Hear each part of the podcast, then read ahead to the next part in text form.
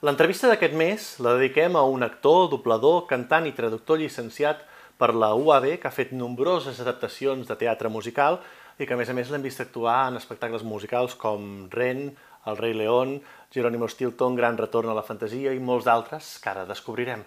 M'estic referint en Marc Gómez, que li agraïm que hagi acceptat el repte de fer aquesta entrevista del mes Jo, encantat, encantat, bueno, un honor. Molt bé, i que ens hagi obert les portes de casa seva. Sí. Comencem aquest viatge? Som-hi, va, aviam, si me'n recordo d'alguna cosa. Com va descobrir en Marc el teatre?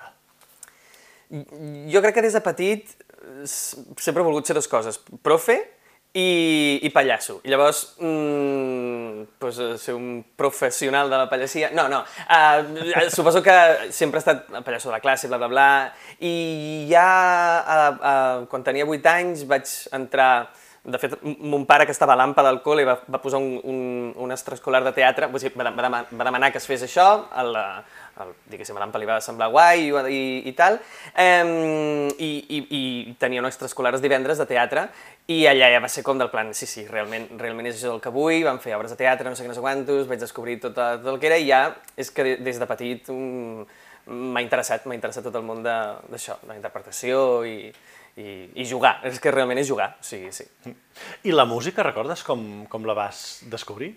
La música en concret suposo que sempre ha estat envoltat, perquè, clar, jo he estat un nen Disney absolutament, llavors, clar, totes les pel·lícules Disney en general eh, són molt musicals i sempre, sempre he estat molt cantaire. De fet, tinc ara aquí un, unes, unes, uns casets de molt petitet cantant el Sol Solet, vull dir que sempre he estat... Mm, mm, M'ha agradat cantar, però així com de dir, això és música, mm, no ha estat fins més gran de concebre què és exactament la, la, part, la part musical. De fet, fins que, fins que no, vaig fer, eh, no vaig començar a fer teatre musical amateur, no vaig saber ni què eren les veus, o sigui, què era cantar veus. Per mi, o sigui, no, no, no tenia una gran formació mm, musical i del plan, bueno, al col·le i això, i, i, però, però no, o sigui, va ser en el, quan vaig ficar-me en el musical que vaig dir, ah, això té, té, té, té unes coses darrere que, que estan guais, o sigui que sí.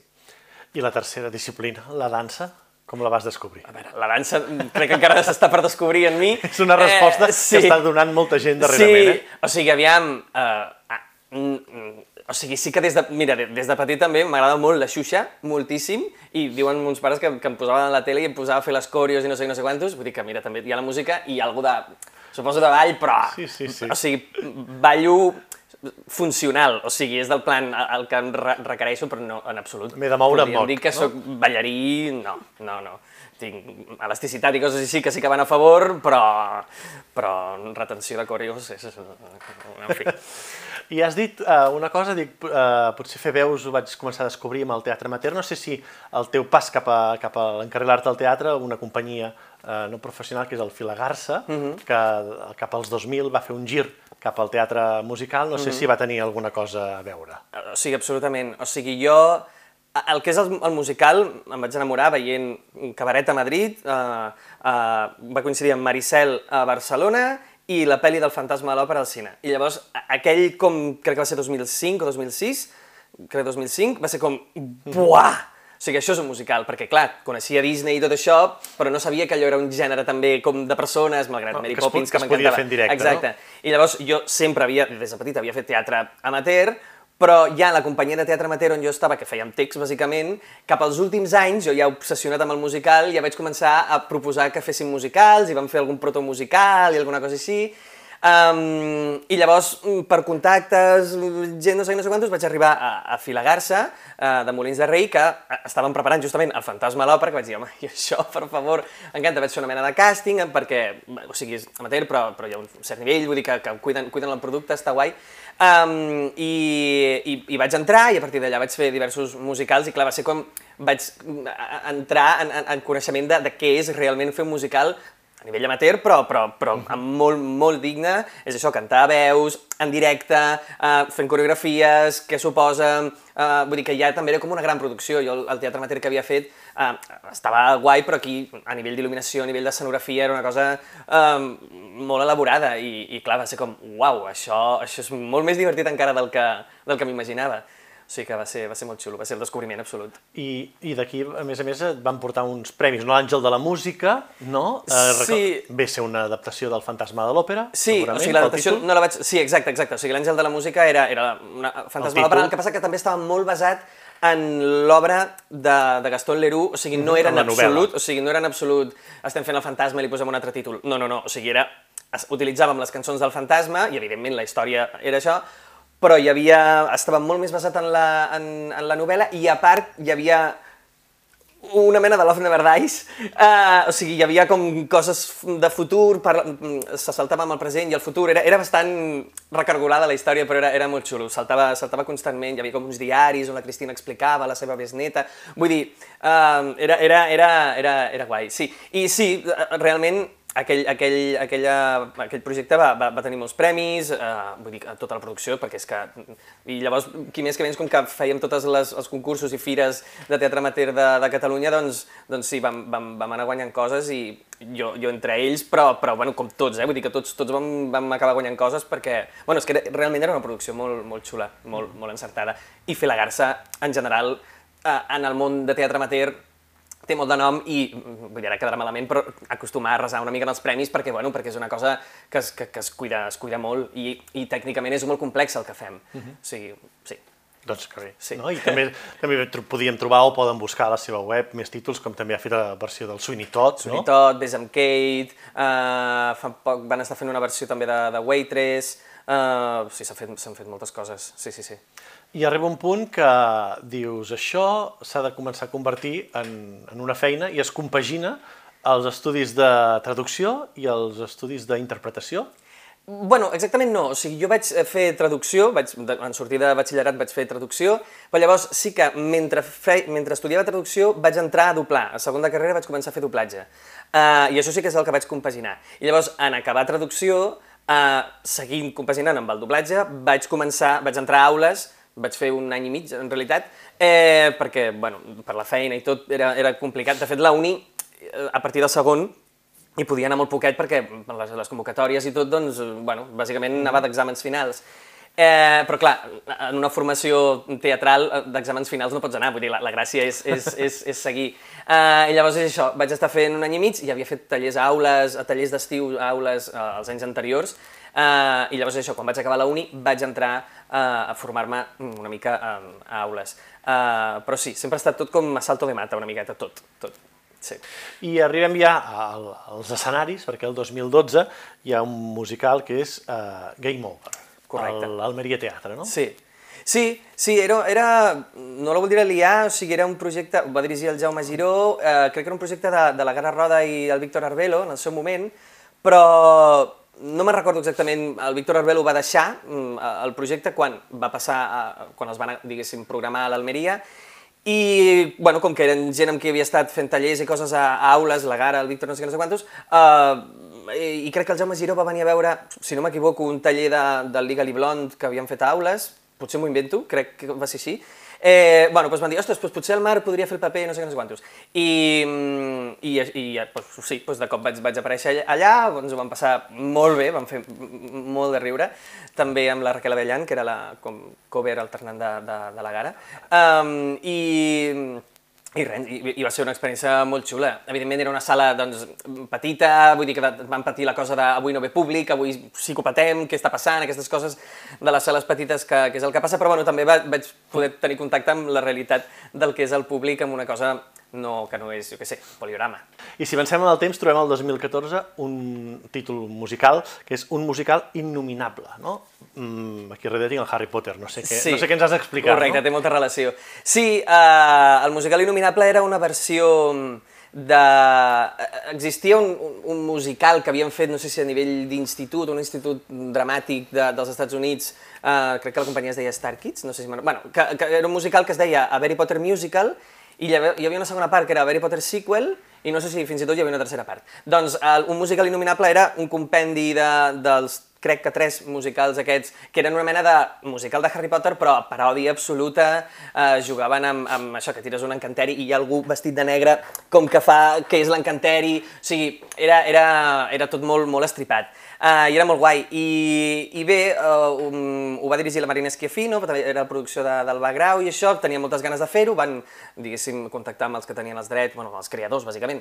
Eh, i, I vam estar és que no sé, ara m'ho inventaria, però no sé si vam estar dos o tres anys. Sí, jo, jo recordo que anava Clar, vam, vam estren... apareixent a la sí, cartellera, no? Sí, perquè vam estrenar-ho a l'Aliança del Poble Nou, que durava tres hores, llavors vam començar a retallar, eh, vam fer gira per Catalunya, déu nhi i després vam estar bastant de temps al Teatre Neu. Uh, clar, no estàvem cada dia, estàvem potser els caps de setmana, o no me'n recordo exactament, eh? Però, però sí que vam estar temps, perquè justament l'altre dia mirava fotos i dic, ostres, doncs, déu nhi uh, O sigui que vam estar molt de temps, i clar, jo era tremendament feliç, perquè jo feia Harry, jo sóc molt friqui de Harry Potter, i clar, jo per mi era, primer, fer el pallasso absolutament, perquè era una cosa eh, super estripada. I segon, estar vivint la història del Harry cada dia, perquè realment sí que seguies la trama, o sigui, a grans trets, feies tot el, el recorregut del Harry, des de, des de que va a Hogwarts fins que, fins que mata el Voldemort, diguéssim, spoiler. Eh, així que sí, era, era molt feliç, molta gent, eh, també, o sigui, mol, molts companys molt, molt, molt guais.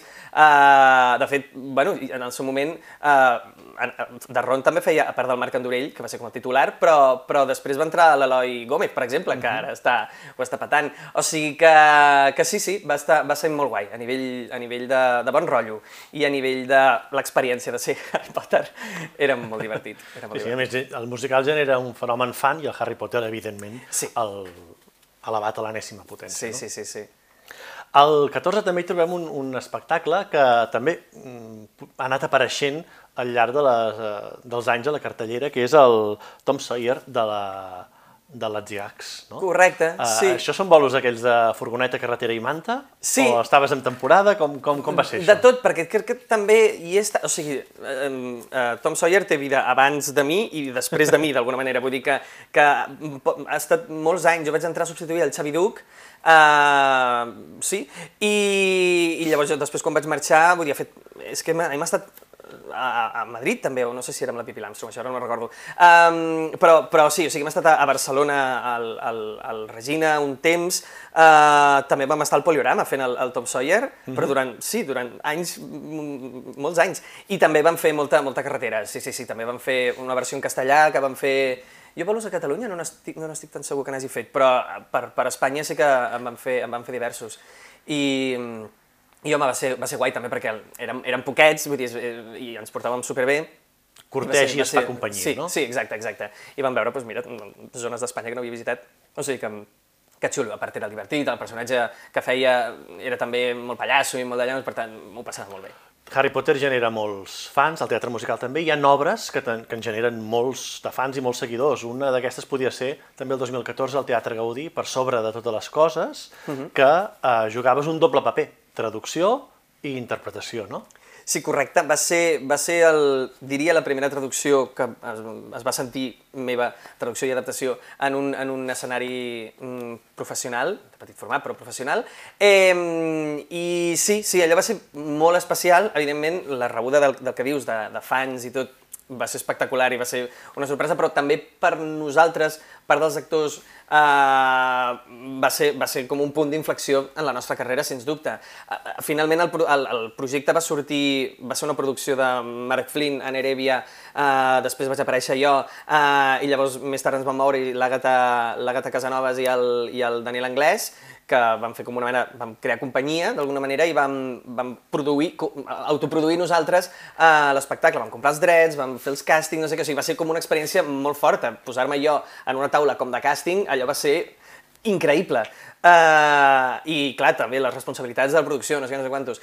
Um, I sí, i nosaltres ens ho vam passar molt bé, va ser com clar, evidentment era com el punt culminant de, de tot aquest esforç de, de voler portar un musical i com es fa i, i, i portar-lo a Barcelona.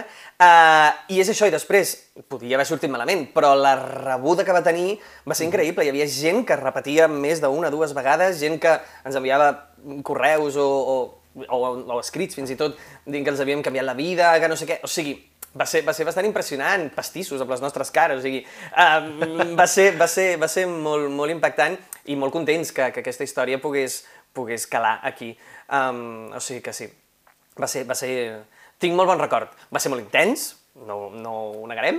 Uh, van passar moltes coses, però, però va, ser, va, ser, va ser un somni, realment. O sigui, per mi, també amb, el, amb els anys, clar, han passat 9 anys ara mateix, uh, a punt de fer 10, um, està, en, en el meu record està com molt idealitzat, va ser com un estiu, perquè més va, va, va ser això, l'estiu, uh, molt, molt especial, molt especial. La, la partitura ens encantava, era preciosa, la història era molt potent, eh, i això, i la rebuda, i tot el fenomen que, que, que va ser, va ser molt xulo. I, evidentment, el fet de ser la meva primera adaptació en un escenari, crec, uh, va, ser com del plan... va ser la meva carta de presentació com a, com a adaptador, d'alguna manera. Va dir, ei, jo faig això i així és com, com adapto. O sigui que sí, Sí, sí, molts punts a favor. Rent, com recordes aquell, aquell rent en català, que també no sé si és una mica com d'aquesta necessitat com del, com acabes d'explicar amb el per sobre de totes les coses, no? Sí, de fet va ser molt semblant. Uh, crec que també va ser un, tot un seguit de, de gent que estaven fent Els Miserables, crec que també van dir, eh, volem fer rent, i també van fer el mateix, van comprar els drets, van no sé què, no sé quantos, i el, i el, van, i el van portar. En aquest cas jo vaig aparèixer fent les lletres amb, amb, amb el Daniel Anglès, en aquest cas, eh, conjuntament, al català i, i també després com a, com a swing, eh, però que, que també estava com per l'elenc. Uh, o sigui que sí, també va néixer com d'unes ganes de gent, també gent jove, que volia fer, eh, vull portar aquest musical, m'agrada molt, té un missatge que, que vull compartir, uh, musicalment és molt guai, uh, va canviar la història més del, del teatre musical uh, mundial, el Rent en el seu moment, l'original, uh, i van dir, ostres, doncs, doncs, doncs fem això. I sí, ho vaig viure, evidentment, diferent des d'una altra responsabilitat, que jo no estava ni de productor ni a res, o sigui que, que cap problema, però, però bé, també era una partitura que tanta gent coneix, que tanta gent se sap la versió castellana antiga, no sé, no sé quantos, que clar, fer la primera adaptació al català mm, oficial també era com una responsabilitat de dir, és que aquí tothom... Perquè crec que el problema de Rent és que, a diferència que per sobre, que la gent no el coneixia. En general, Rent el coneix molt. I llavors tothom té com una connexió, tothom que fa teatre musical, tothom... Jo, jo he fet dos vegades Rent uh, en, en teatre amateur uh, en el passat, en tots els tallers, o sigui, tothom l'ha fet, tothom um, sent com una connexió especial amb això. Eh, I clar, mm, dir, eh, aquesta és la versió catalana nova, mm, aviam, aviam com, com es rebia. Però, però, però bé, va, va, ser, va ser una bona experiència, va ser, va ser molt xulo. Eh, clar, era com un pas més a nivell de producció del Per sobre totes les coses. El Per sobre totes les coses estem amb el Teatre Gaudí, crec que va ser superdigne i superguai a nivell de sonografia, estem encantats, però el de l'Aliança era un teatre més gran, era, o sigui, era, era, un, altre, era un altre codi. Uh, per tant, bueno, va ser, va ser, va ser diferent i molt, molt guai també, sí. I uh, és, anava a dir necessari, no sé si seria la paraula, però o ajuda el fet d'haver estat als dos llocs eh, els dos rols, és a dir, a sobre l'escenari com a intèrpret i a, i a darrere l'escenari mm, eh, com a productor, com a...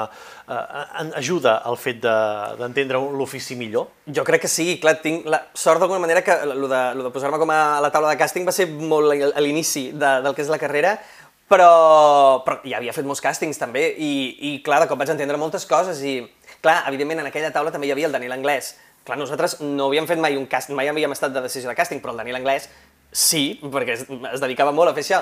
Uh -huh. eh, llavors, també saber per bé i per mal el, el, que, el, el que es podia valorar, el que podia aportar una persona, que bueno, potser aquesta persona tal, però ens compensa per tal, no sé què, fer després el puzzle també de, de dir, vale, aquestes són les millors opcions, però com casen entre elles, Buah, tot això va ser...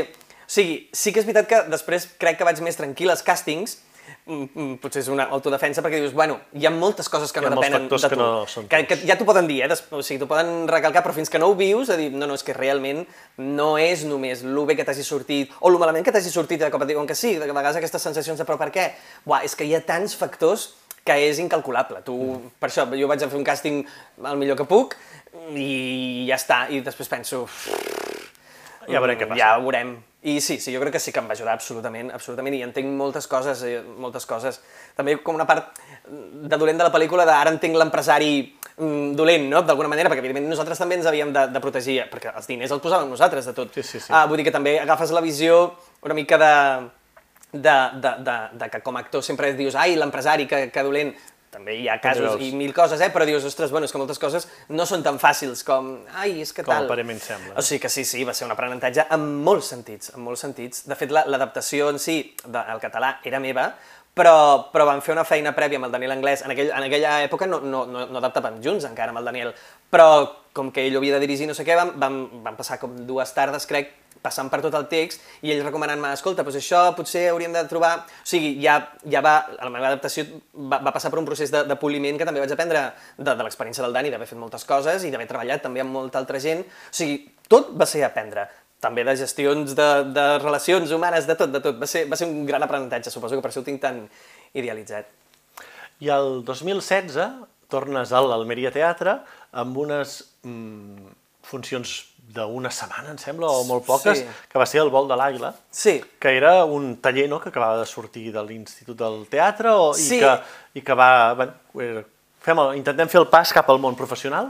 Sí, això mm, crec que era, era la tesina del, del Cisco Del Cruz, Cisco. de, de l'Institut del Teatre, uh, que és un musical que va compondre ell, va fer la dramatúrgia, va fer de tot. Llavors el Mateu Pere Miquel crec que va fer part de, del que és l'orquestració, no la voldria liar ara, bueno, de, de, de l'arranjament musical de tot plegat, um, a part de ser el director musical. Uh, però sí, va ser, va ser del plan, fa, vull, vull fer un musical de creació i volem portar-lo fins a les últimes conseqüències i, i, i l'estrenem literalment també a l'Almeria. Uh, I va, també tinc molt bon record perquè, clar, això era una altra mena d'aprenentatge, és com es crea un musical des de zero, perquè en aquell moment, bàsicament, ell anava component coses al Cisco, però mm, també ja a partir d'un moment ja ens, ens componia les cançons sabent qui les cantaria i tot això, i, i eh, el fet això, clar, jo estic molt acostumat a, a aprendre'm les cançons d'un musical amb un CD de referència, amb aquestes coses, i clar, de cap aquí, a la brava, No sense, referència. clar, l'única referència és si jo m'he gravat o ell s'ha gravat cantant, és plan, uau, és tot un món, és tot un món, um, perquè és això, jo no, no tinc una formació de músic del plan que jo, jo no puc llegir una partitura i cantar-t'ho, jo això no, no puc fer, o sigui, puc seguir una partitura perquè coneixements bàsics de, de no, no, no, no puc cantar. Um, I llavors, bueno, doncs això va ser, va ser com un aprenentatge molt, molt gran de, de, també dels problemes de- d'aixecar una producció com des de zero, sense cap mena de referència, perquè al per sobre sí que sabíem com començava, com acabava i, i com, com havia de, de sonar, això, això no. I va ser molt guai també perquè l'equip humà va ser molt xulo, uh, de fet, és, és que un clitxer, però és que acostuma a passar, vull dir que, que de, de tots els projectes t'emportes amics, del, de, o sigui, no només coneguts del, del, del moment i, i que en aquell moment tothom és el millor amic del món i, i s'acaba el món i això és d'allà, però que, que després et vas emportant gent pel camí. No, no, no arrasant amb ells, sinó que amb tu. No, però, però és una, Ah, és una sí. cosa que des de fora, a vegades, Sí. per, per la gent que té un altre tipus de feina, no? Mm. Uh, que totes les feines tenen les seves peculiaritats, Sí, sí, sí. no? Però, però aquesta, aquestes relacions, aquests vincles tan forts que s'estableixen a vegades amb certes persones en muntatges, i quan ho mires a nivell d'anys dius, ostres, que fa molt pocs anys que ens coneixem, però, Sí, sí, però, però- sembla com si hagués passat, mi, o ha passat mitja vida per clar, nosaltres. Clar, clar, perquè es treballa amb sentiments, es, es treballa amb moltes hores, de molta intensitat, de, de, de disgustos i alegries de no sé, no sé quantos... O sigui, crees... Clar, en aquell moment esteu en un projecte que, que vale, sí, estàs assajant certes hores, però mm, cantes, a, a, o sigui, tu, tu has d'aprendre, no sé què, o sigui, forma part del teu dia a dia, sens dubte, i aquella gent, les coordinacions, eh, per la tonteria de posar-se d'acord quan assajar, doncs ja saps la vida de tots, perquè ara no sé què, o sigui, és com que pff, entres Sí, sí. allà dins uh, i, i, i tothom és super best friend. Uh, I és això, després, doncs, mm, hem de quedar un cop a l'any i, i mai passa, però, però, però sí que sempre t'emportes mm, gent i això està guai. I, I amb el cas del vol de la Liga, doncs amb molta gent, ah, hi ha gent que ens veiem més, hi ha gent que en veiem menys, uh, però, però bueno, sí, sí, és que, és que t'emportes gent, o sigui que és guai.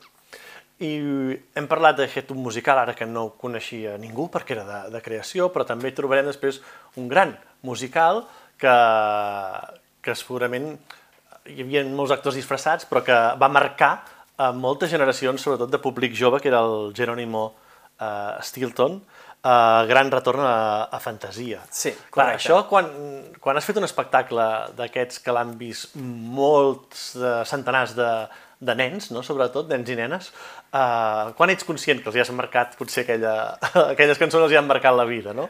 Quan en alguns moments literalment els nens canten les cançons a, allà a, a l'escenari vol dir que això o ho han escoltat abans o estan repetint o, o com pot ser que se les sàpiguen.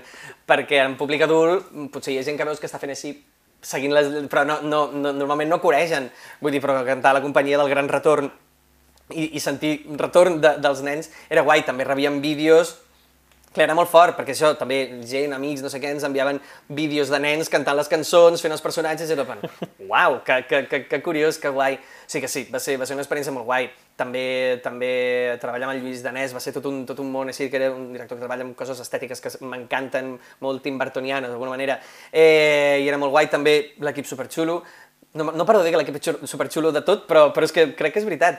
Um, també amb gent molt guai, treballar amb disfresses, amb, amb màscares, amb, amb coses molt diverses, amb certs efectes especials, um, era molt guai, però alhora també era de creació, finalment, o sigui, era, s'estava creant, les cançons ja estaven... O sigui que, que sent un original cast, uh, però d'una cosa 100% creació, clar, era molt guai perquè moltes de les coses, gags, no sé què, mm, podies aportar tu i, i, i hi havia personatges que s'anaven creant clar. en funció del que nosaltres mateixos aportàvem i, i això era super guai, o sigui, era molt guai, molt guai.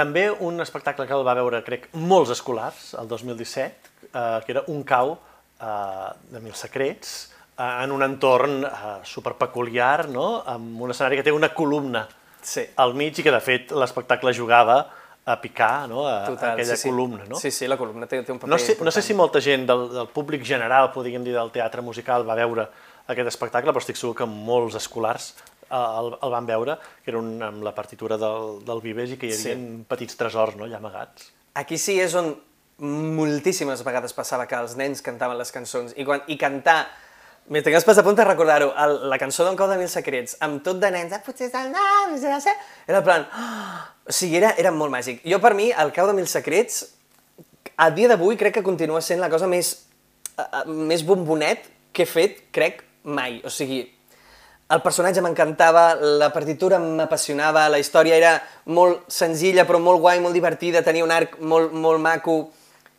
per mi, també tinc un record molt maco, però mm, a, a, també perquè ho he fet amb gent, de fet ho he fet amb, amb amics literalment, vull dir que sí que ens hem com anat retrobant i, i, el, i el que hi ha un vídeo amb l'Estel Tor, amb la Clara Soler, amb la Clara, amb l'Edgar, amb el Marc Flynn, eh, o sigui, eh, hi ha, hi ha hagut, i me'n deixo molt, eh, perquè ja, ja ho he fet dos o tres anys i, i, i he vist, o sigui, he coincidit amb, amb diversa gent.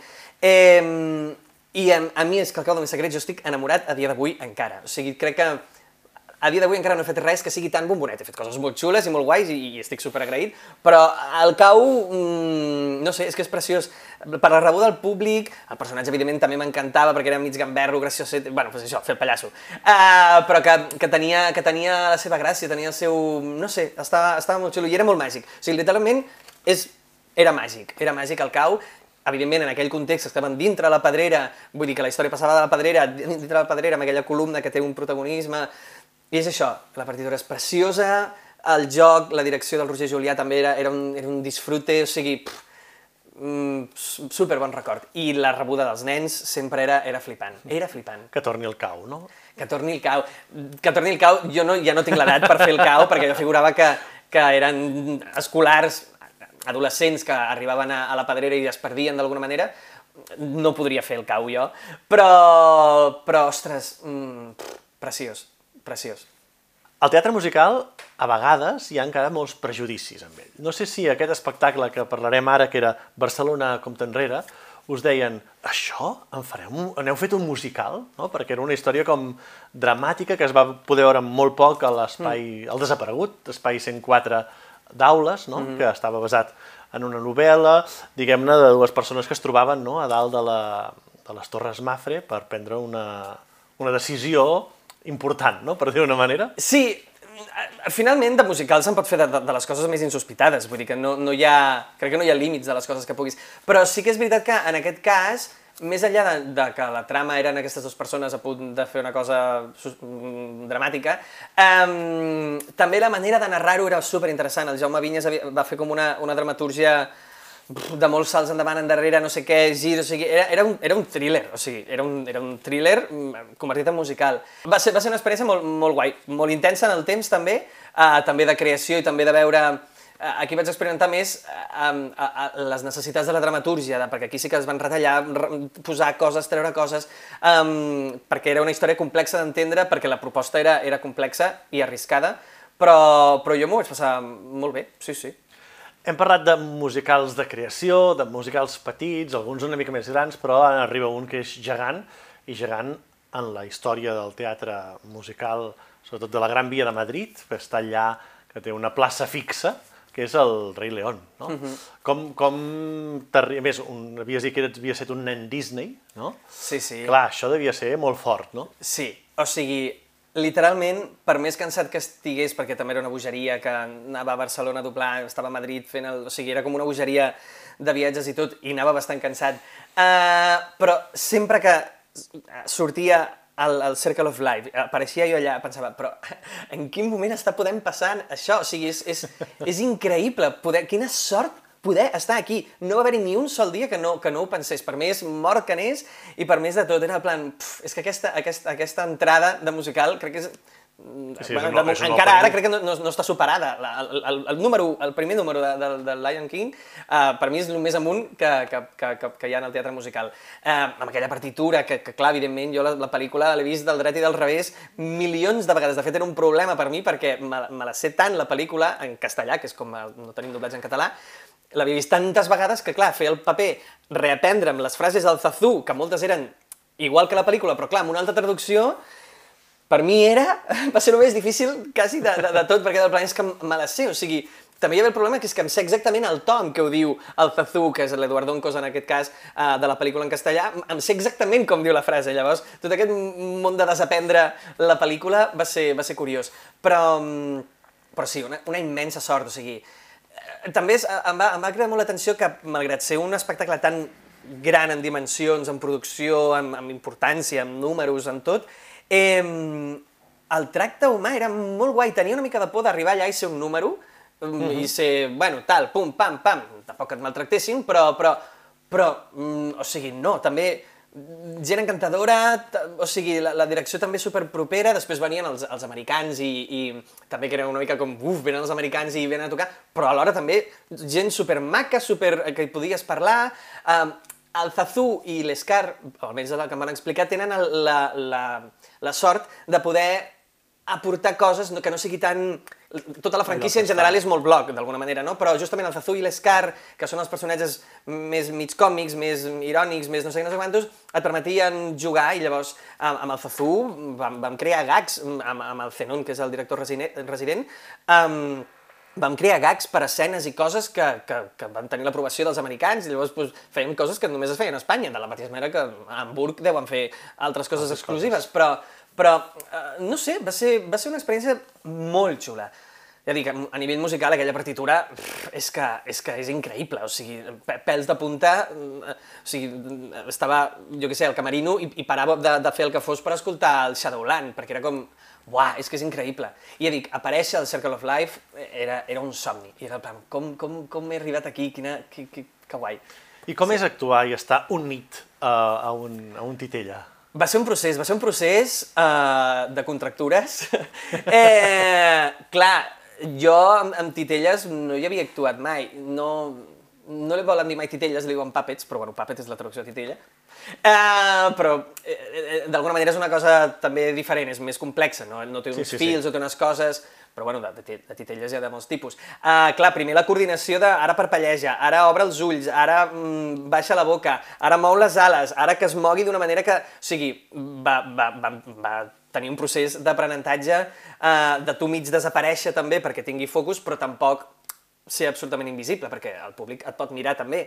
Vull dir, aquesta cosa de, del doble sí, joc, sí, sí, de mirar sí. el titella i, i l'actor que hi ha darrere, mai, mai estàs amagat. Um, Llavors sí, va ser dur perquè evidentment físicament requeria coses, jo no sóc una persona excessivament forta, i aguantar el, el bitxo mm, pesava i tenia les seves complicacions, i a més que no et quedés amb el coll tort, vull dir que, que, que tingués una forma, un, que s'expressés de veritat el, el ninot, el ninot, eh? O sigui, ara sí que em maten. Eh, van, bueno, va, va, va, van trigar, diguéssim, a, a, a... però bueno, alhora l'entrada va ser bastant express, uh, així que mm, l'estrena va ser una mica imminent, um, però, però bueno, va ser, va ser clar, el més gran que he fet, sens dubte, a, a nivell de, de mhm. molts, molts sentits, sí. I després tornes a Barcelona uh, en un, i entres a fer un, un diguem-ne, jo crec que un dels musicals que potser té més seguidors a Amèrica, que és el Màgic 2, aquí es va fer una versió, uh -huh. ja no només de teatre musical, sinó com a, com a fenomen a Amèrica, idolatra la història no, del, sí. del, del Màgic 2, que es mereixerien moltes, moltes tesis no, sobre, sí. sobre aquests perquès. Uh, com, com ho vas viure, entrar a fer una substitució, crec que era amb la, amb la Brutal, no? Doncs sí, era una alternança amb el Jordi Vidal perquè mm, hi havia uns bolos que no podia fer, llavors ens vam partir, fèiem meitat i meitat. Uh, ell ja ho havia fet l'any anterior, ella, l'original cast del Màgic 2, o sigui, era el Màgic 2, uh, a part d'altres personatges, uh, i llavors jo vaig entrar bàsicament doncs, a, a, a fer com la meitat que ell no podia fer, uh, uh -huh. i evidentment doncs, vaig treballar molt amb ell perquè ell es coneixia, ell havia creat tot, tot aquell el personatge. personatge. Uh, però va ser molt guai perquè a més era una versió del Màgic 2 de, del, del Marc Artigau, um, que realment estava modernitzat però amb, amb, amb molt de sentit i molt de gust. Bueno, David Selves, o sigui, la, la, la dramatúrgia crec que és del Marc Artigau i del David Selves. I la direcció és del David Selves, que també va ser, clar, un gran descobriment, jo no havia treballat mai, mai amb ell, va ser com, ostres, que guai, que, que, que, que... i després mm, he, he tornat a treballar amb, amb un espectacle de les Junts de Nadal, de Nadal, o sigui que vaig, no sé, jo estic encantat d'ell com a persona i d'ell com, com, a, com a director també, no sé. Sembla que faig peloteig de tothom, realment, però, però és que, no, però no sé... Està molt bé haver és, treballat amb molta gent diversa i, sí, i és, està és guai, perquè tothom. tothom, tothom té una part guai eh, artística, evidentment, però també personal, i, i crec que, crec que he tingut molta sort, o sigui que sí. Uh, doncs això, el, el Màgic 2 va ser molt xulo, també hi havia molts nens que es coneixien les cançons i, i se les coneixien i, i les reescoltaven i de tot. Encara estàvem en, en pandèmia forta d'alguna manera, no va ser just post-confinament com quan es va estrenar, però també veiem al nostre voltant que espectacles anaven tancant per, per casos de Covid, nosaltres seguíem aguantant, en les últimes setmanes sí que al final van caure crec que dues persones, no sé què, vam... vull dir, va ser com a, part de l'experiència de ser molt xulo, perquè el musical era molt guai, també la cosa del món exterior, què està passant, i literalment sentir això, com que s'anava tancant el cercle, de dir, eh, mm, som els següents? Qui, qui, qui, què passarà? I va acabar passant. Però, però, però bueno, em porto un molt, molt bon record també de, del Magic 2, va ser molt xulo. I clar, no sé si eh, tenies una mica la sensació d'estar fent, crec, un musical que també t'agrada, no? que, que és el, el Wicked, no? Té, té, té força a veure amb el, el Màgic 2, no? Clar, no clar, sé si clar. també hi havia aquests lligams com fa una estona hem parlat del Harry Potter, no? Clar, que evidentment Wicked és un musical que, que, que m'agrada molt, que, que l'he vist moltes vegades i que, que crec que va marcar molt també la història del teatre musical amb una partitura increïble que d'aquí poc veurem dues pel·lis, uh, o sigui que, que per fi. Uh, però clar, per mi ja el Màgic 2 mai serà, mai serà el Màgic 2 normal, o sigui jo fins i tot veia la pel·lícula o el que sigui, jo ja, jo hi veig la relació, si quadra o no, amb la història de Wicked darrere, llavors Llavors és, és, és molt xulo mantenir això i anar pensant, oh, que, que guai, això podria ser que aquest personatge després se n'anés cap aquí. O sigui, sí, per mi el Magic 2 ja, ja, no, ja no serà mai, mai com el va escriure l'autor. Hem repassat uh, la part aquesta escènica, però has traduït moltes obres d'espectacles de, de teatre musical. Uh, traducció o adaptació, o les dues coses? Mm, crec, de fet, en algun moment parlant ja he fet adaptació, no sé què, però, però crec que és el mateix, perquè finalment traduir un musical requereix un nivell d'adaptació major que una altra cosa, però bàsicament tota traducció és una adaptació, i no tota adaptació és una traducció perquè pots adaptar altres coses, però sí crec que tota traducció és, és una adaptació, el que passa que de vegades has de, has de mm, apostar per coses més allunyades uh, al sentit uh, literal dels versos per vers, uh, perquè té un, les cançons té uns requeriments molt concrets. Però sí, vull dir, crec que són bastant intercanviables. Uh, sí, sí, sí, sí. És una feina invisible, però que s'ha de visibilitzar? Sí, jo crec que està bé que, que... O sigui, jo crec que el que no s'ha de fer evident quan estàs veient una traducció és que és una traducció. O sigui, perquè en aquest sentit està bé que sigui invisible. No has de pensar des del meu criteri, ah, vale, això, tal, bueno, perquè clar, en anglès deu ser sí, o, o ui, que raro, bueno, no sé.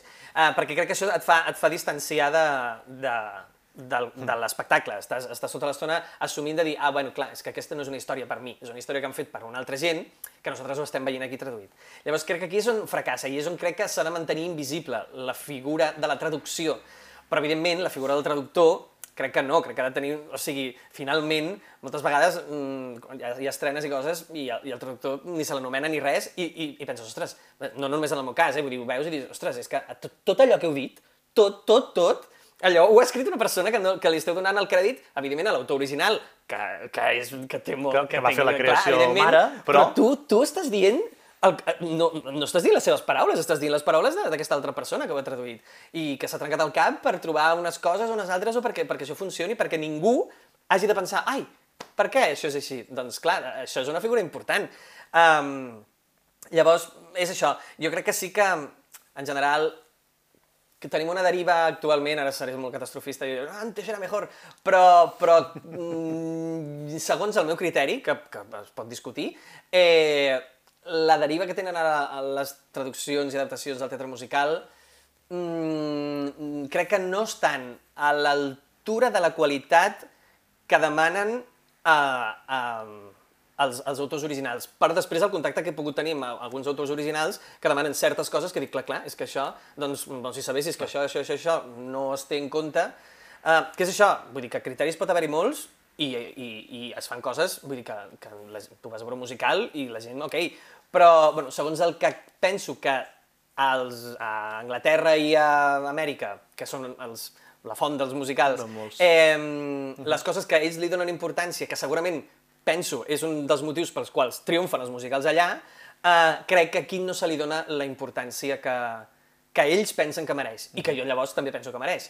Um, Pot, potser lligat amb això és un ofici que eh, a Catalunya pràcticament és inexistent no? en el món teatral, que és el de lletrista, per Sí. exemple, el qual tu has fet, eh, una pregunta que tenia aquí una estona, però, per exemple, recordo històries jamás cantades, no? Sí. que hi havia una, una lletra que era teva, no sé si en tens més de lletres originals, però diguem, és un ofici que, que un, a vegades pots veure un dramaturg que sigui molt bon lletrista, però que a Amèrica no, tenen molt aquestes parcel·les de dir, no, i jo escric el llibret, però les lletres són del mateix músic o hi ha una altra Sí. persona que ve a fer eh, aquest ofici. No? Mm. Jo crec que, malgrat tot, tot és mm, parcel·les diferents. Vull dir, he fet històries jamás cantades, vaig fer eh, per un, eh, un musical que es va fer amb els alumnes de, de quart final d'aules també, que es deia Vintage. Eh, les cançons eren dels anys 80, crec, però les lletres sí que eren Sí, originals. això es va fer el versus, Sí, doncs amb el Jumon R vam, vam d'allò, jo, jo vaig ser com el lletrista d'aquelles cançons, o sigui, les lletres eren originals,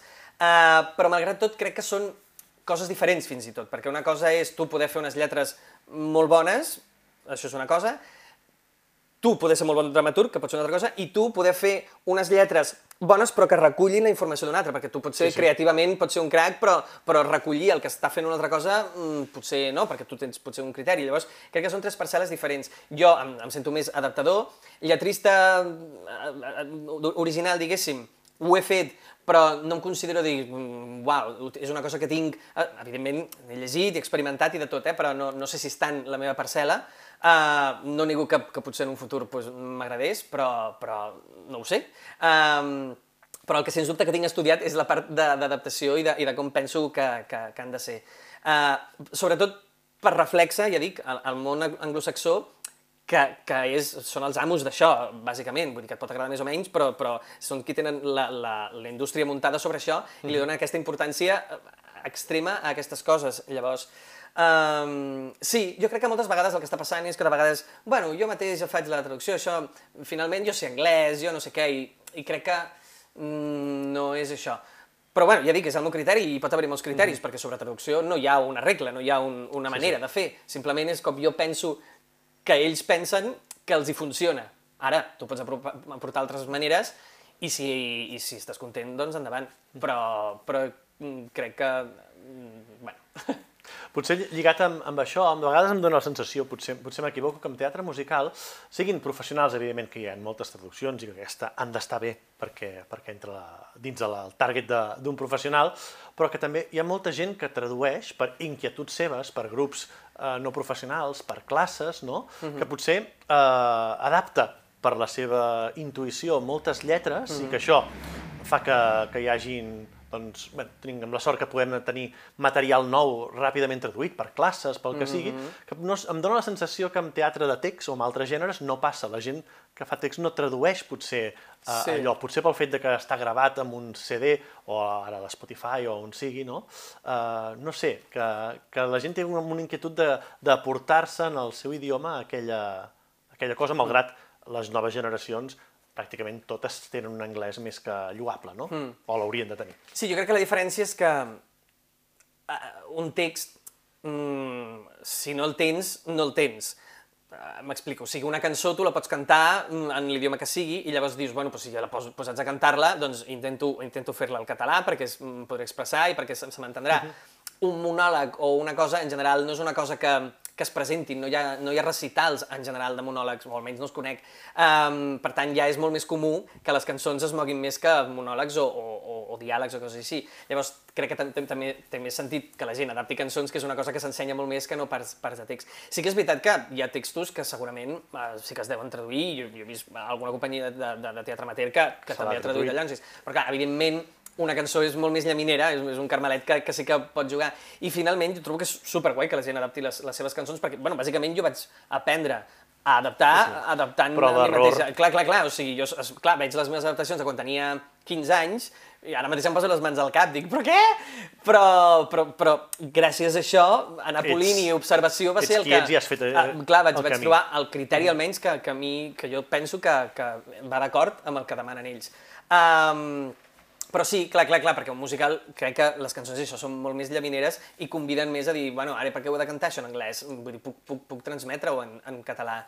Um, o sigui que sí, jo, jo és això, jo, jo encoratjo que la gent, la gent ho faci, però que després tampoc s'acontenti o sigui, com a recomanació de dir, ostres, com es pot afinar, com es pot, com es pot millorar, sobretot per observació amb, amb coses ben fetes. Clar, per mm -hmm. mi, sí, un, un boscos endins del Vives és allò, o sigui, és, és, està, està, vaja, és ideal. Llavors, si tu pares a, a mirar uh, la traducció al català i la lletra en anglès i dius, uau, i és tot, i com ho han fet? Pues, si tens aquesta anàlisi, les pel·lícules de, de, de Disney dels 90 també tenen, uh, actualment no puc dir el mateix de les, de les lletres de Disney, en castellà, i, però, però en, um, si mires les pel·lícules dels 90, allò, l'adaptació aquella és rodoníssima. Mm -hmm. Doncs, bueno, segons el meu criteri, eh? per altra gent segurament no, però, però bueno, sí, jo crec que és, un, és una feina que és apassionant. I, i també mm, ara estic en una escola que es diu Escola de Doblaje de Canciones, que, que de, de vegades donem cursos d'adaptació i realment m'adono que hi ha molta gent interessada, no només... O sigui, per la part de traducció, però també per actors i coses així. Llavors, no sé, és una cosa que per mi era una cosa molt friqui, molt específica, de, de que ningú més li interessava, i realment mm, hi ha molta gent que, que hi veu un interès i, i no sé, a mi m'agrada, m'agrada poder compartir aquesta, aquesta inquietud amb tanta gent. Hi ha una petita cosa que, que a mi em molesta molt, però que crec que la podràs explicar, eh, perquè crec que a tu també et molesta molt, que és eh, un accent creuat. Què els explicaries? Què és un accent creuat? Un accent creuat, bàsicament, és eh, que la, la paraula mm, les, totes les paraules tenen accent, excepte monosíl·labs o coses o, o partícules estranyes, però, però casa és casa, no casar. Per, perquè, perquè casar canvia... vol dir una altra cosa. Exacte, canvia el ah, significat. Exacte. I llavors, la, les partitures també tenen uns accents, uns accents musicals. Uh, llavors, el lògic seria fer coincidir l'accent musical amb l'accent de, la, de la paraula, perquè si no, tu pots estar volent dir casa, però si musicalment sona na, na, na, Clar, si poses allà casa, sona casar... Clar, casar no és el mateix que casa. Uh, I llavors això és una cosa que depèn de en quins cercles o depèn de llancis. En el pop, en general, espanyol-català, no, no es mira no excessivament. en compte. Um, però bueno, finalment, una cançó pop... Va. Però quan estàs fent un espectacle on la música té una importància, però el text té molta importància, on la, el públic només té una opció d'escoltar allò i ja, ja li ha passat, perquè té aquell moment que l'actor ho està dient sí, sí, i ja el, el microsegon després ja ha passat aquella cosa, clar, jo crec que no et pots permetre, des del meu punt de vista, no et pots permetre posar accents creuats per aquí per allà que pugui donar equívocs eh, perquè, perquè és això, perquè crec que tira enrere. El teatre se sent un cop Exacte, i no i dius, ah, i llavors tornes a tenir aquesta cosa de com la traducció, ah, bueno, no, vale, ha dit casa, però, bueno, com que està cantant, tira. O, o, o, o, o les frases al revés perquè tot rimi, el libre soy, és del plan, ostres, ah, bueno, clar, perquè, clar, és una cançó i, clar, no ho saben dir. Bueno, però Let It Go no té Go Let It, o sigui, està, sí, sí. està ben ordenat. No, no, no, no, crec que a ells justament han fet així perquè els hi funciona que les frases siguin naturals, doncs el mateix, els accents estan a lloc, eh, coincideixen els musicals amb els de, amb els de la paraula, eh, i el mateix això amb l'ordre de les frases eh, i tot això. Crec que, no sé, com més natural, com més fàcil soni, mm -hmm. és que és, és un punt pel, pel, per l'espectacle, crec que també fa que el públic ho, ho absorbeixi millor, no. ho trobi més natural, no li soni, ah, bueno, però la gent no s'expressa cantant, no sé què, quina cosa més rara, un musical. Clar, quan tu veus que a, a, els, els musicals de Broadway o de West End, mm, evidentment, clar, s'expressen cantant, però te, flueix, o sigui, el text sí, sí, flueix, sí, sí. simplement ho estan fent mm, cantat, però bueno, en un teatre de text tampoc et poses trist i, i es posa tot blau. Bueno, a la vida tampoc passa això, sí, evidentment sí, sí. són codis. Uh, doncs això, quan veus que a ells els hi funciona, sobretot perquè flueix bé, clar, quan aquí no ho fem, crec que tira enrere de dir, bueno, no, clar, i llavors només els agrada els que els agraden els musicals. I crec que um, des del meu punt de vista, és una de les coses que, que pot fer que, que els musicals no entrin, que és que mm. les lletres no estiguin cuidades. Llavors, sí, la figura de l'adaptador ha de ser invisible, perquè no l'has de veure, però perquè et flueixi tot bé. I alhora s'ha de crec, mm, mm, potenciar la, la... O sigui, no ho dic per mi, dic per, per, per gent que, que, que ho fa bé i que té... Fa bé, és clar, evidentment, sempre des del meu criteri, eh? però que, que, que té en compte aquestes coses perquè sabem que funciona allà. Llavors, bueno, és possible que també funcioni aquí. I hi ha certs adaptadors, molta gent que històricament ha fet moltes coses que ara no estan fent res, que, que és del plan, que potser algunes ja s'han cansat, o potser també s'han cansat perquè, perquè vist que no, no es valorava res d'això, i perquè m'he de trencar el coco aquí a fer això, això, això, això, això, sí, mm, se, se sent de tot ara mateix en un escenari. Uh mhm. -huh. Llavors és un drama. Com que, com que has fet moltes uh, adaptacions, traduccions, Uh, què et sembla si et dic el títol d'alguna de les que hagis fet i en dius alguna resposta ràpida vale. de, de què recordes de, o, o, o trauma de l'hora d'adaptar o, o de cosa positiva. Vale. Per exemple, per sobre totes les coses. Bueno, per sobre totes les coses, eh, ja dic, mm, orgull de la presentació. Anys després canviaria coses, evidentment, però, però orgull per la presentació al món d'unes lletres que a mi en el seu moment em convencien molt, ja dic, ho he explicat també, amb, amb, amb la col·laboració del Dani en el seu moment de dir, ei, això potser ta ta ta ta ta, vam canviar com quatre coses, per, per, però sí, molt bon record, evidentment. Dies normals? Dies normals. Uh, bueno, curiós per haver-ho fet tant en català com en castellà. Uh, i, I primera vegada que tinc contacte amb l'autor original amb peticions, a dir, ai, aquí en comptes de pizza posa hamburguesa. I coses així, va ser com super interessant, interessant, sí. Tell me on a Sunday? Tell me on a Sunday, doncs mm, primer i de moment crec que únic Weber professional, uh, repte sobretot perquè és un munt, o sigui, no hi ha gens de text, uh, és tot cantat i havies de, estava, vull dir, li havies de posar en, en bandeja a, a l'actriu perquè havia de ser un text que funcionés perquè l'havia de defensar ella sola allà. I, però guai, perquè a mi Weber m'agrada molt. Sondheim també, però Weber fa unes cançons precioses. Tic Tic Boom? Tic Tic Boom va ser mal de cap perquè Jonathan Larson fa unes lletres molt complexes i, i, i són difícils, però crec que també és part del guai. Clar, un honor poder fer, poder haver, poder haver participat en les dues eh, obres que va deixar Larson abans de morir, eh, i llavors, bueno, supercontent de fer això, eh, i sí, sí, molt, molt, molt guai. Carrie? Carrie. Uh, crec que vaig tenir poc temps, això és el, el, el, el record que tinc, el poc temps. Uh, però va ser molt xulo perquè la, la història m'agradava molt, les cançons també m'agradaven molt. Um, Recordo, també tinc el record d'una frase en concret, d'aquesta nit promet eh, no sé què, no sé quantos, un ball com aquest o no sé què, que allò em vaig estar com dos dies pensant, no sabia, no sabia com adaptar allò. I recordo això, estar sobre el llit pensant, eh, no sé com adaptar això, sí. I tenia poc temps, o sigui, imagina't l'estrès. Pretty Woman. Uh, Pretty Woman. Penso que les lletres originals són una mica massa literals i llavors em va costar trobar-li una certa gràcia per adaptar amb, amb gràcia coses que en l'original eren una mica literals. Per mi l'esforç va ser aquest, no tant les rimes, no sé què, no sé quantos, sinó dir, vale, això que soni natural i, i, i soni una mica cançó, quan penso que les, les cançons m'encanten, musicalment, però les lletres sí que trobava una mica literals. I vaig pensar... Oh. Fan Home? Fan Home. Uh, home, mm, procés molt guai de coadaptació amb el Daniel Anglès, amb un material que ens agradava molt, molt diferent també a tot, Um, però molt, molt, molt xulo, sí. Carrusel. O Carrusel, preciós d'adaptar. Les lletres... Clar, poder fer en català una cosa també com d'època, que pots utilitzar unes paraules mm, una mica més amb més de cos, no, no té, no, o sigui, sempre que soni natural, sempre que sigui lògic, no sé què, però, però amb paraules una mica més mm, això, mm -hmm. més, més recarregadetes, uh, és, és maco perquè, perquè l'horitzó de, de rimes també també s'amplia.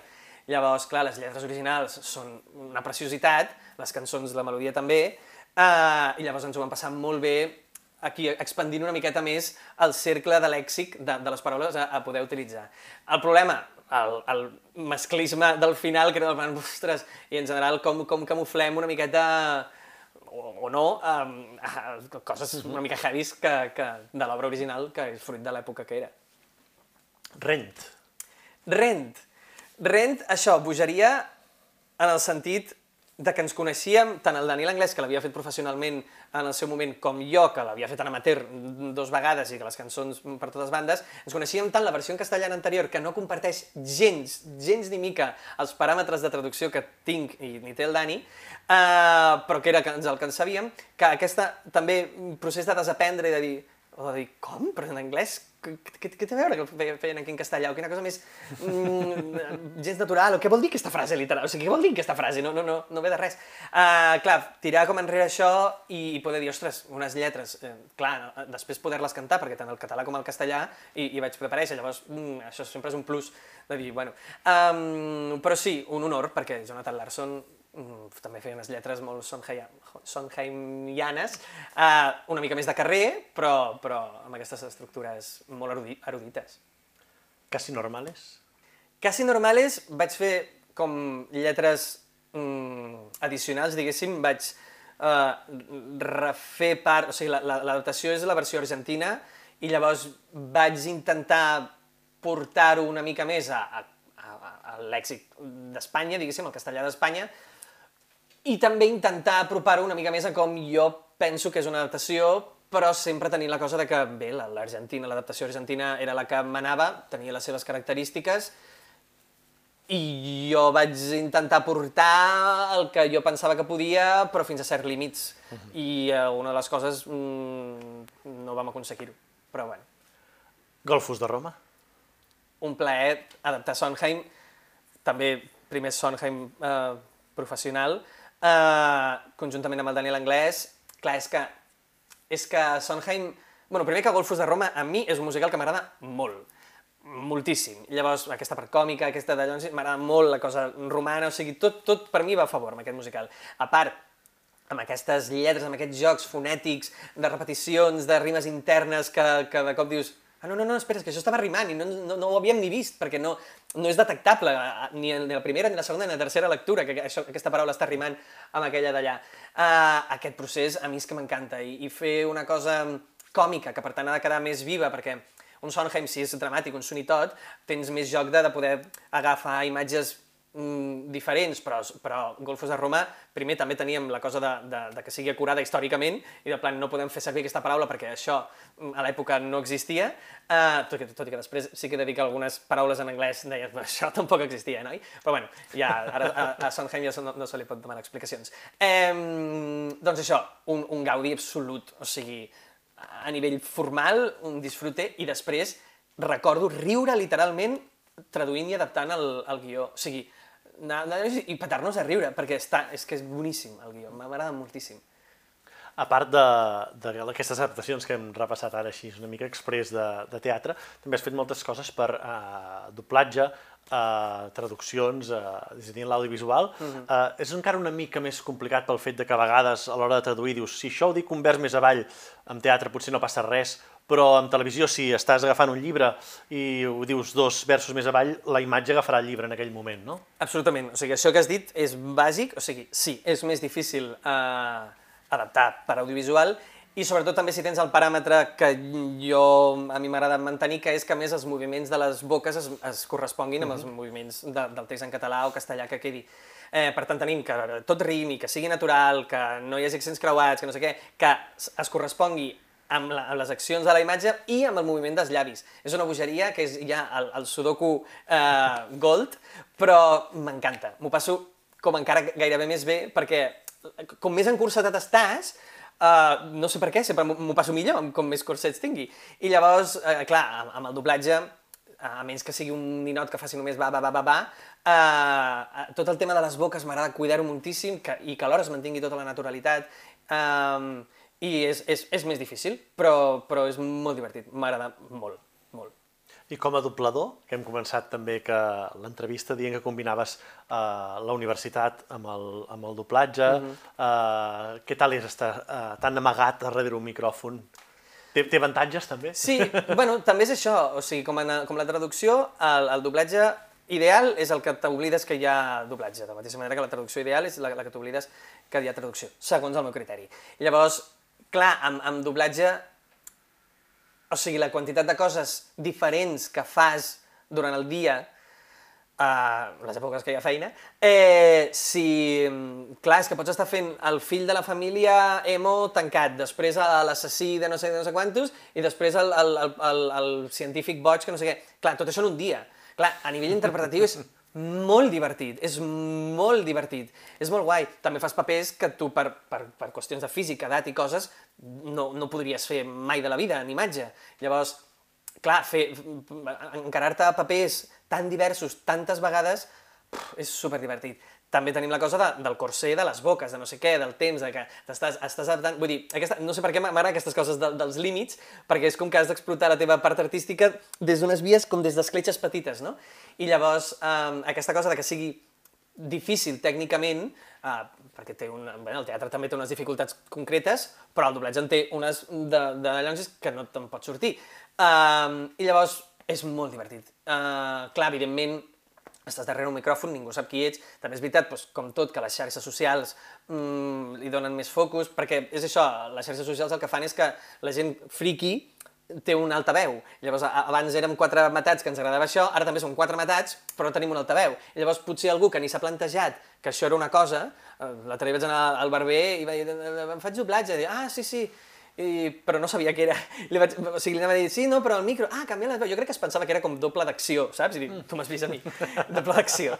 Um, vull dir que era una cosa que, que hi ha gent que, que, que no sap què és, i llavors doncs, les xarxes li han donat com un focus, que mm. no trobo que estigui malament, que tingui focus, hi ha gent que és una mica més conservadora, simplement crec que és això, tenir un cert focus fa veure que hi ha una feina, que hi ha algú que està pensant i li dona un valor, crec, a la, en aquesta feina. Mm -hmm. Una altra cosa diferent és que que igualment ha de ser una feina invisible, però la feina, sí, no sí. els feinejadors. Exacte. I per acabar, què li passarà pel cap a en Marc Gómez? Amb una certa escepticisme del que vindrà en el sentit, sobretot de, en el doblatge de les IAs, per exemple, l'intel·ligència artificial. No sé fins a quin punt també la traducció. Penso que la traducció d'una adaptació d'un musical requereix certes coses bastant diferents però que tampoc descarto que en algun futur ho puguin fer les eh, intel·ligències artificials. Uh, preocupat perquè a, a Barcelona l'oferta teatral musical, sobretot que és la que m'afecta, és una mica escassa i, i la poca que hi ha la gent no hi va, llavors el públic mm, no es mou gaire, mm, no sé de qui és la culpa, no sé de què, què, què hem de fer, què hem fet malament o què, què s'ha de fer millor, però, però sí, escèptic una mica mm, alhora amb l'esperit de, de, de lluitar sempre amb això, amb, amb defensar el que jo penso que és una bona adaptació, que jo penso, però intento argumentar per què crec que és així i, i m'encanta ser el, el defensor i el crític de les coses que no penso que estan com jo penso que ells pensen que està bé. Eh, I sí, o sigui, escèptic, no catastrofista, perquè vull lluitar, però, però no sé si gaire esperançat. Trencarem una llança a favor, a veure què, Aviam. a veure què passa. Sí, Sempre sí. acabem les entrevistes amb una bateria de preguntes uh mhm. -huh. ràpides. Quin va ser el primer musical que vas veure o que recordes? Cabaret, a Madrid. Si t'haguessis de quedar amb una cançó? Ah. Uh. O si més no, avui. Una. Go the Distance, d'Hèrcules. Un autor? Un autor de musicals, entenc. O del Pot ser de musical sigui... o del que sigui que digués és el... m'acompanya uh, a la vida. Home, J.K. Rowling, com a autora, no puc negar, malgrat comentaris embogit de tot, sí. Però, però sens dubte, mm, la influència de la meva vida, aquesta autora és qui més ha influït, uh, sens dubte. Un record que t'hagi donat al teatre o al teatre musical? Um, el que m'ha vingut ara mateix és el, el, el Circle of Life, o sigui, quan, quan ho has dit m'ha vingut això, però sens dubte la gent i, i poder mm, fer papers molt diferents i disfrutar moltes coses molt diverses. I què és allò que per tu només té el teatre musical? Per mi és més... O sigui, jo que sóc bastant histriònic, m'agrada ser com... Va, um, crec que és la part del teatre que més permet fer com un suflé. Uh, evidentment, pots veure obres de text catàrtiques i, i morir-te, evidentment, però el fet d'expressar-te cantant, de... Puah, és com una explosió, és un nivell d'explosió que és més passional. Crec que té un punt passional que altres coses no tenen, tot i que, evidentment, cada, cada, cada registre té les seves passionalitats, però el tipus de passionalitat que m'aporta el teatre musical, jo hi connecto molt i m'agrada molt. Doncs esperem que, escoltant l'entrevista, molta gent conegui coses de les traduccions i també hi connecti molt i que vagi al, al teatre, per això favor. que hem dit que passen aquí, amb, no només amb els musicals, sinó que vagi al teatre sí, sí. en general i a la dansa i, on, i, on, i els concerts i on faci falta. Doncs moltes gràcies per no, haver fet aquesta entrevista. A vosaltres, moltes gràcies, ha estat molt guai. I amb vosaltres ens veiem d'aquí un mes a la propera entrevista.